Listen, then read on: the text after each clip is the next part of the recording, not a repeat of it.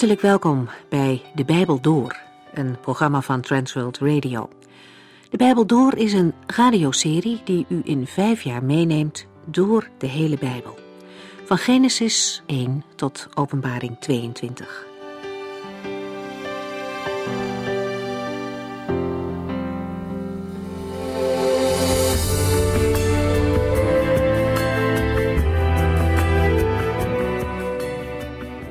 We zijn momenteel bezig met de brief aan de Colossense die door Paulus geschreven werd.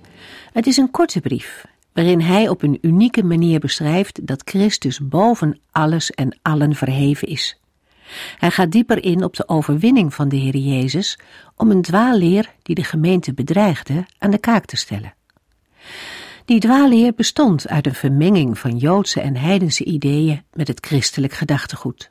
En Paulus is duidelijk in zijn oordeel de regels lijken wel mooi, maar het is een zelfgemaakte godsdienst. Ze vragen nogal wat van mensen aan eigen vroomheid en zelfkastijding, maar uiteindelijk zijn die regels waardeloos en bevredigen ze alleen het gevoel van eigenwaarde. In hoofdstuk 2 van de brief komen de kenmerken van deze dwaalleer verder aan de orde en dan gaan we er ook verder op in. Hoofdstuk 1 benadrukt de godheid van Jezus Christus. Een onderwerp dat in de kerkgeschiedenis al vaak voor discussie en strijd heeft gezorgd. Paulus laat in deze brief zien dat Christus anders is dan alle mensen die ooit hebben geleefd. Hij is ver boven elk mens verheven. En Paulus doet dat aan de hand van negen kenmerken van Christus. Ik noem de eerste zes en de overige lezen we zo dadelijk als we verder gaan in hoofdstuk 1 vanaf vers 18. Als eerste in de persoon van Christus is de onzichtbare God zichtbaar geworden. Ten tweede is hij de eerstgeborene. Dat geeft de positie van Christus aan tot zijn vader en zijn plaats in de drie-eenheid. Het derde kenmerk is dat alles in hem of door hem is gemaakt. En dat laat zien dat Christus geen schepsel is, maar schepper. Ten vierde, alles is in of door Christus gemaakt tot zijn eer. En verder was hij al God voor er iets werd geschapen. Dat is nummer vijf. Het zesde kenmerk is dat alles wat bestaat, er is dankzij hem. Dat wil zeggen dat Christus de oorzaak en de reden is van het voortbestaan en de orde van het heelal. Hij houdt alles bij elkaar. Hij onderhoudt en hij bestuurt het heelal. En daarmee hebben we de eerste zes kenmerken van het unieke van Jezus Christus genoemd. We gaan verder in de brief aan de Colossense.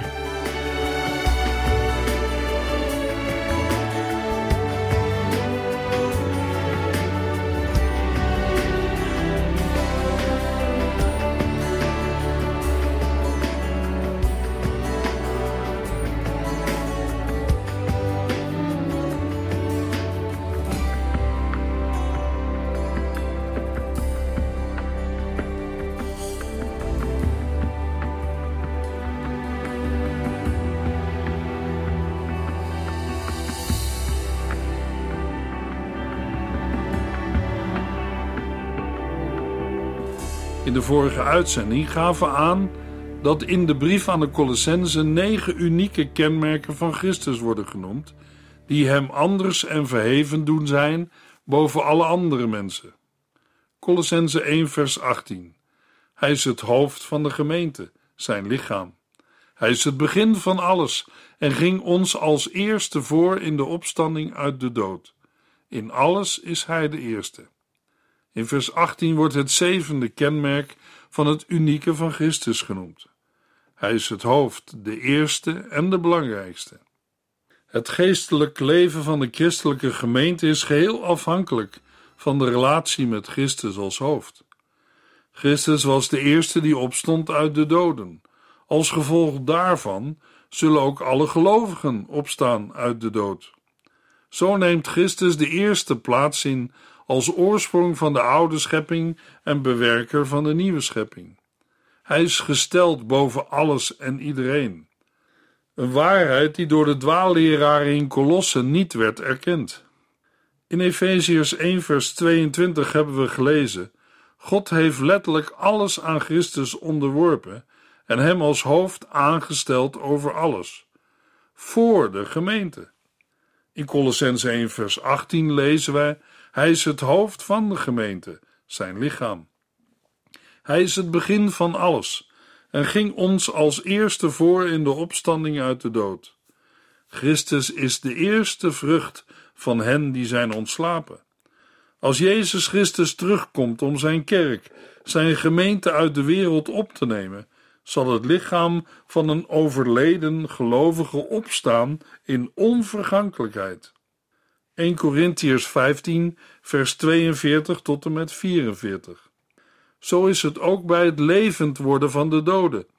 Iets vergankelijks wordt gezaaid en iets onvergankelijks wordt tot leven geroepen. Wat in de aarde wordt gelegd, is het aanzien niet waard. Maar wat levend wordt gemaakt, is schitterend. Wat in de aarde wordt gelegd, is tot niets in staat. Maar wat levend wordt gemaakt, heeft grote kracht. Wat in de aarde wordt gelegd, is een natuurlijk lichaam. Maar wat levend wordt, is een geestelijk lichaam. Want als er een natuurlijk lichaam is, moet er ook een geestelijk lichaam zijn. In 1 Johannes 3, vers 2 lezen we: Ja, vrienden, wij zijn kinderen van God en kunnen ons er geen voorstelling van maken hoe het later zal zijn. Maar wij weten één ding: als Christus komt, zullen wij zijn zoals Hij, omdat we Hem dan zien zoals Hij werkelijk is. In Colossense 1, vers 18 lezen we ook het achtste kenmerk van het unieke van Christus. Hij is in alles de eerste. Van hem zegt de Heer in Psalm 2, vers 6: Dit is de koning die ik heb aangesteld, en ik heb hem in Jeruzalem, mijn heilige stad, een troon gegeven. De Heere gaat op zijn doel af, en dat doel is de Heer Jezus op de troon. In Openbaring 17, vers 14 lezen we: Maar het Lam zal overwinnen, want hij is de Heer over alle heren en de koning over alle koningen. Colossense 1, vers 19. Want God had besloten met zijn hele wezen in zijn zoon te wonen. Dit is het negende unieke kenmerk van Christus. Met de woorden zijn hele wezen wordt het geheel aan goddelijke eigenschappen, de volheid van Gods genade of Gods heerlijkheid bedoeld. De meeste moderne vertalingen zien in Colossense 2 vers 9 een aanwijzing dat God zelf deze volheid is. Daarmee wordt aangegeven dat God geheel en al in Christus aanwezig is. Christus is de mensenzoon, de zoon van God, God zelf. Wat de Heere in Jezus Christus voor ons mensen heeft gedaan, gaan we nu lezen in Colossense 1 vers 20. Door zijn zoon heeft God een altijd durende vrede gesticht tussen zichzelf en alles wat in de hemelen en op aarde is. Doordat Christus zich aan het kruis heeft opgeofferd en zijn bloed heeft gegeven, is er verzoening met God. Vers 20 heeft aanleiding gegeven tot veel uiteenlopende interpretaties. Alles wat in de hemelen en op aarde is, het gehele universum, zowel de materiële als de geestelijke aspecten, zijn door de zonde aangetast en van de Heere vervreemd. Maar door het lijden van Christus aan het kruis wordt alles wat in de hemelen en op aarde is, ook weer met God verzoend. De macht van de zonde is op het kruis verbroken. De heerschappij van de duivel is op het kruis teniet gedaan. De disharmonie en de vijandschap, die als gevolg van de zonde tussen God en de geschapen wereld zijn ontstaan, zijn door het verzoeningswerk van Christus weggedaan. Alleen de volledige uitwerking van zijn verzoening zal pas gestalte krijgen in de nieuwe hemel en de nieuwe aarde. In Romeinen 8, vers 20 tot en met 25 lezen we: De hele schepping is namelijk onderworpen aan dood en verval, hoewel niet uit eigen vrije wil. God heeft dat gedaan als gevolg van de zonde. Maar er is hoop. Ook de schepping zal bevrijd worden uit de macht van dood en verval en dezelfde heerlijke vrijheid krijgen als de kinderen van God. Wij weten dat de hele schepping in afwachting van dat grote moment nog altijd zucht en kreunt als een vrouw die moet baren. Dat geldt ook voor ons. We hebben als een voorproef van het nieuwe leven de Heilige Geest ontvangen. Maar toch zuchten en verlangen ook wij naar de dag dat ons lichaam zal worden verlost van ziekte en dood. Deze verwachting is onze redding. Maar het is nog niet zover, anders zou het geen verwachting meer zijn. Iets dat er al is, hoef je immers niet meer te verwachten. Maar zolang het er nog niet is, blijven we het geduldig verwachten. Op Gods tijd zal de schepping worden bevrijd van de vergankelijkheid uit de macht van dood en verval, waaraan zij als gevolg van de zonde is onderworpen. Niet alleen de aardse schepping, maar ook de engelen zullen delen in deze nieuwe harmonie. Sommige uitleggers hebben in deze tekst een verkondiging van de alverzoening gelezen, waarbij ook de ongelovige mensen en de duivel met zijn engelen vrede met God vinden. Maar dat wordt door Paulus niet gezegd. Paulus denkt aan een situatie waarbij alles wat tegen de Here heeft gerebelleerd, wordt onderworpen en de heerschappij van Christus moet erkennen. Filippenzen 2 vers 9 tot en met 11. Daarom heeft God hem de hoogste plaats en de allerhoogste titel gegeven, zodat in de naam van Jezus iedereen in de hemel, op aarde en onder de aarde zijn knieën zal buigen en tot eer van God de Vader openlijk zal erkennen: Jezus Christus is de Heer. Naar Romeinen 5 vers 1 bedoelt Paulus te zeggen: omdat wij ons aan God hebben toevertrouwd, zijn wij rechtvaardig geworden en leven wij nu in vrede met God, dankzij onze Heer Jezus Christus. Als een mens zich niet heeft toevertrouwd aan de Heer, is de rechtvaardigheid en de vrede van Christus er niet. Paulus verwoordt het duidelijk in 2 Korintiërs 5, vers 18 tot en met 20. Al dit nieuwe komt van God, die ons door Christus Jezus bij zichzelf heeft teruggebracht. Hij heeft ons opgedragen overal te vertellen dat iedereen het nu met God in orde kan maken. Door Christus herstelde God zijn relatie met de wereld. Hij rekende de mensen hun zonden niet meer toe, maar wiste ze uit. En wij mogen dit geweldige nieuws aan iedereen vertellen. Wij zijn boodschappers van Christus.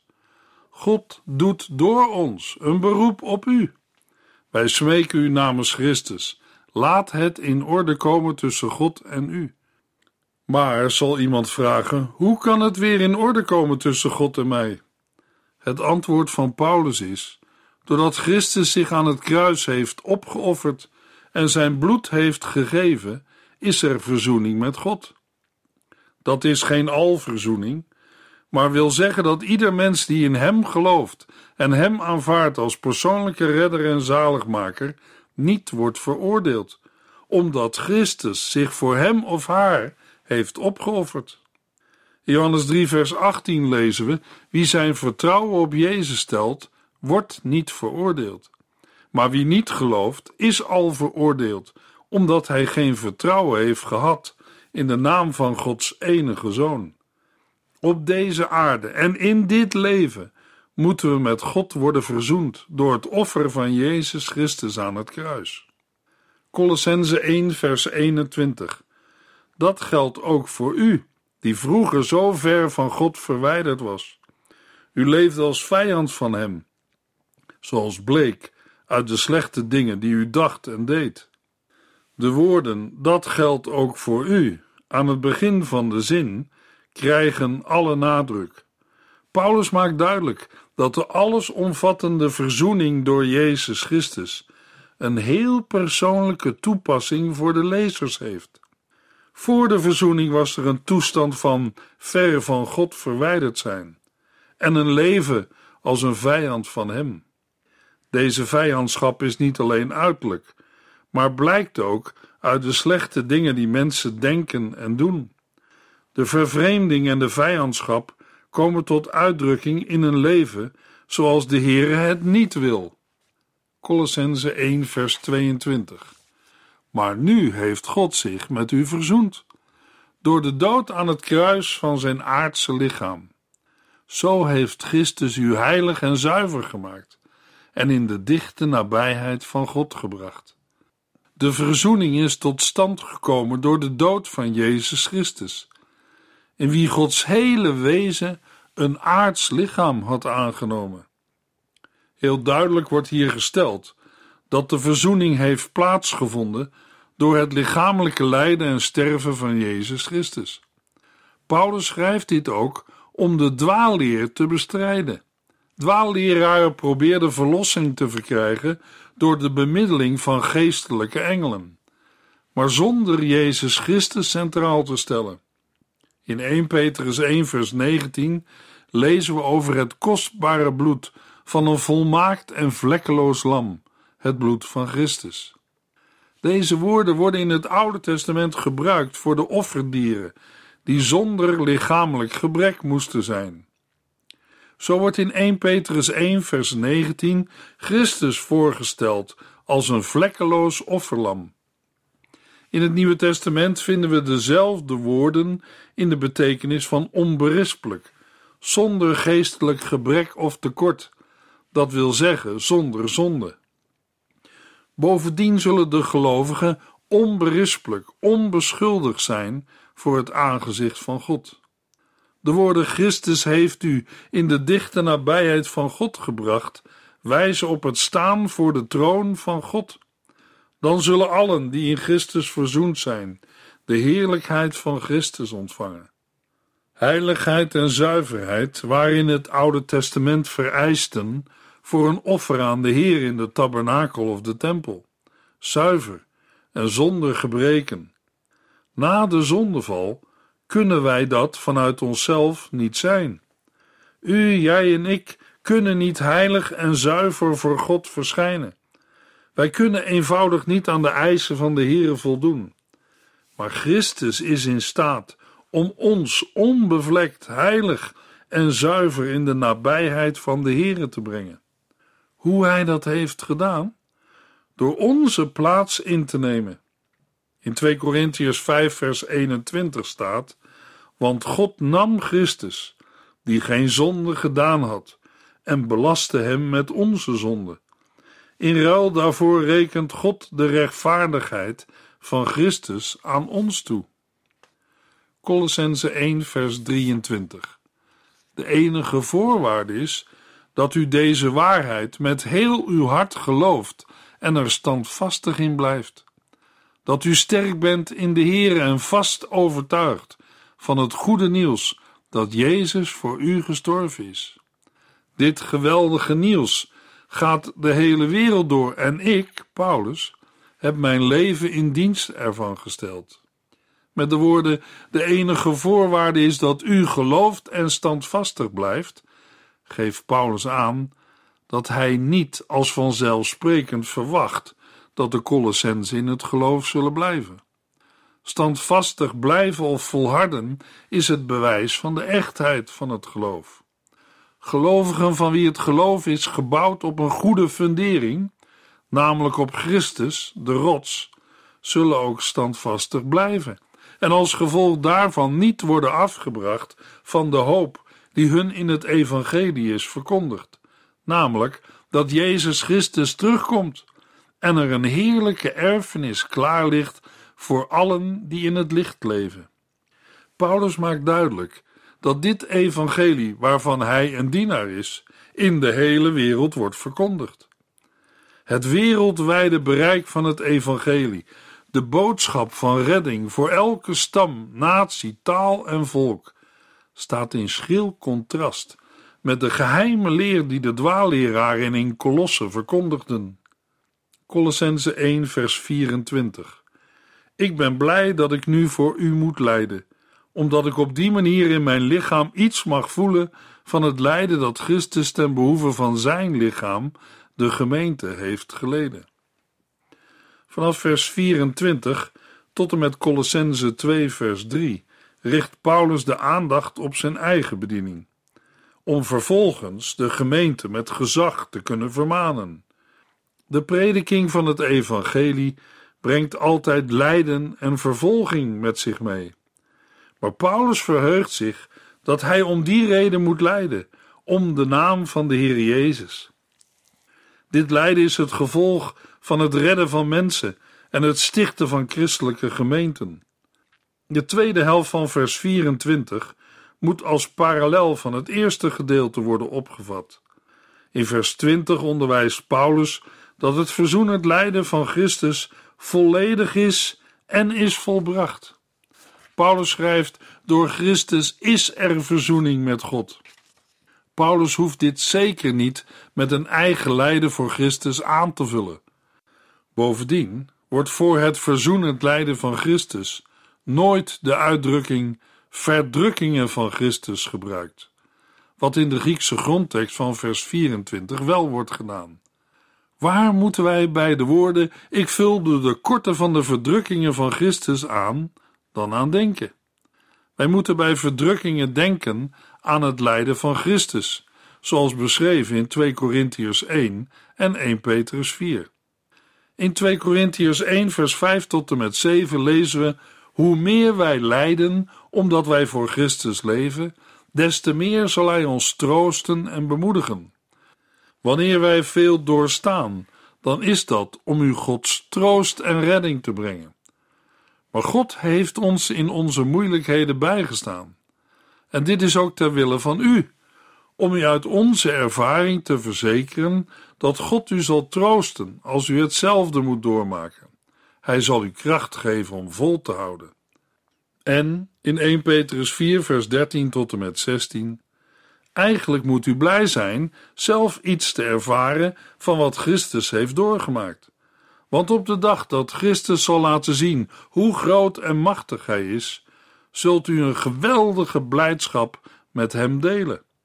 Wees blij als u uitgescholden wordt, omdat u bij Jezus hoort, want dat is het bewijs dat de heerlijkheid van de Geest van God op u rust. Maar laat niemand moeten lijden omdat hij een moord, een diefstal of een andere misdaad heeft begaan, of omdat hij een bemoeial is. Als u moet lijden omdat u een christen bent, hoeft u zich niet te schamen, maar u kunt God ervoor prijzen dat u de naam van Christus draagt.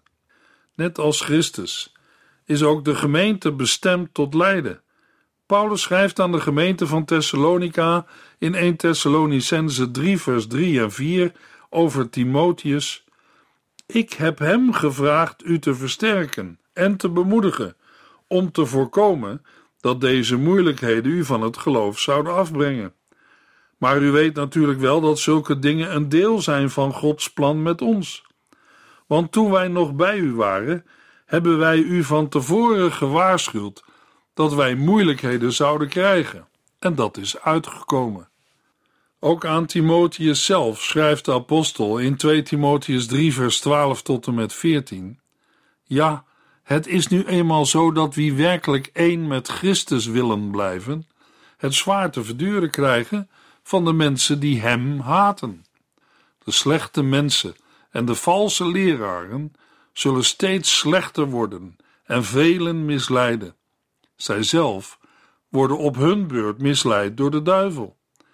Maar jij moet blijven geloven wat je is geleerd. Je weet dat het allemaal waar is, omdat je weet dat je ons kunt vertrouwen. Wij hebben het jou immers geleerd.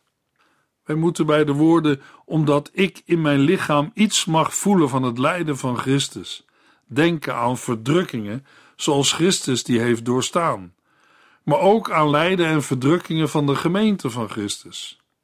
Een aanvullende uitleg kan nog zijn dat Paulus aanvult wat nog ontbreekt aan de verdrukkingen die hij zelf moet ondergaan.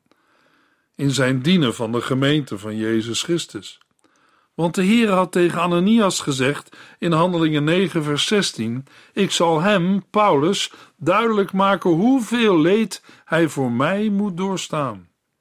Ook in Handelingen 20, vers 22 tot en met 24 horen we de apostel zeggen: Nu ben ik op weg naar Jeruzalem, omdat de Heilige Geest mij ertoe dringt. Hoewel ik niet precies weet wat mij daar zal overkomen, zegt de Heilige Geest mij nadrukkelijk in elke stad waar ik kom dat mijn gevangenschap en vervolging te wachten staat. Maar ik geef niets om mijn eigen leven. Ik hoop alleen dat ik mijn doel mag bereiken en de opdracht die de Heer Jezus mij heeft gegeven tot een goed einde mag brengen. Ik moet andere mensen het goede nieuws vertellen van de genade van God. Paulus leed in zijn eigen lichaam voor de zaak van Christus. Maar uit de verschillende Bijbelteksten blijkt ook dat het voor Paulus nodig was ter reiniging, volharding en geestelijke groei. Ook wij moeten over zulke dingen nadenken en bidden om volharding, wijsheid en inzicht. Waarin moeten wij nog veranderen en groeien om Christus nog beter te kunnen navolgen? Zulk lijden heeft niets te maken met het aanvullen van het verzoeningswerk van Christus, maar met reiniging, loutering en geestelijke groei. Geen mens kan het lijden van Christus aanvullen of evenaren. Bij de uitleg van vers 24 moeten we één ding heel erg duidelijk maken. Het lijden van Paulus had niets te maken met verzoening. Hij verdiende niets voor anderen en ook niet voor zichzelf met betrekking tot de verzoening met God. Paulus heeft zijn woorden wel overwogen gekozen. Hij kan zich over zijn gevangenschap nog verblijden. Dat hebben we ook eerder gezien en gelezen, bijvoorbeeld in Handelingen 16, vers 25, waar we lazen over de gevangenschap van Paulus en Silas in Filippi. Rond middernacht waren Paulus en Silas aan het bidden. Ze zongen lofliederen voor God en de andere gevangenen luisterden naar hen. Ook in de brief aan de Colossense roept Paulus de gelovigen op om altijd te blijven bidden. Aan de andere kant had Paulus het met zijn gevangenschap ook moeilijk. Herhaaldelijk vraagt hij om voorbeden. Er zijn moeiten en lasten die ieder mens alleen moet dragen, en waar geen mens u bij kan helpen. Dan is het een genade om te weten een kind van God te zijn, en dat de Heer Jezus bij u is, ook als er niemand anders meer met je mee kan gaan. In de volgende uitzending lezen we het slot van Colossense 1.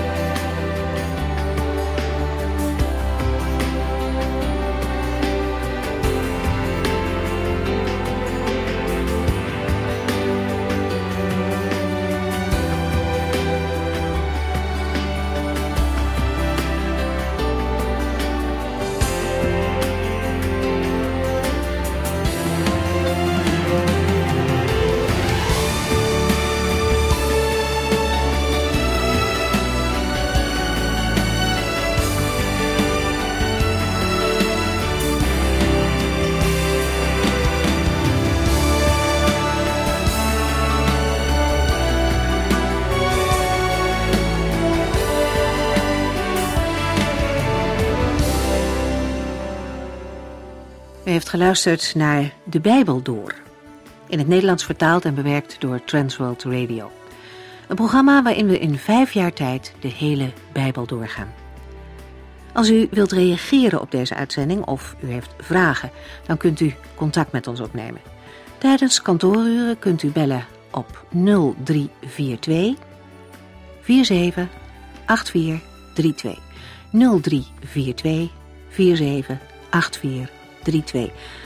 Ook kunt u een e-mail sturen naar de Bijbel door transworldradio.nl en natuurlijk kunt u ook via de post ons bereiken. TWR, postbus 371, postcode 3770, AJ in Barneveld. Dit programma werd gepresenteerd door Cor Weda en Ike André. Techniek was in handen van Odin van Woerdekom. En wij allemaal bedanken u voor het luisteren. Graag tot de volgende keer.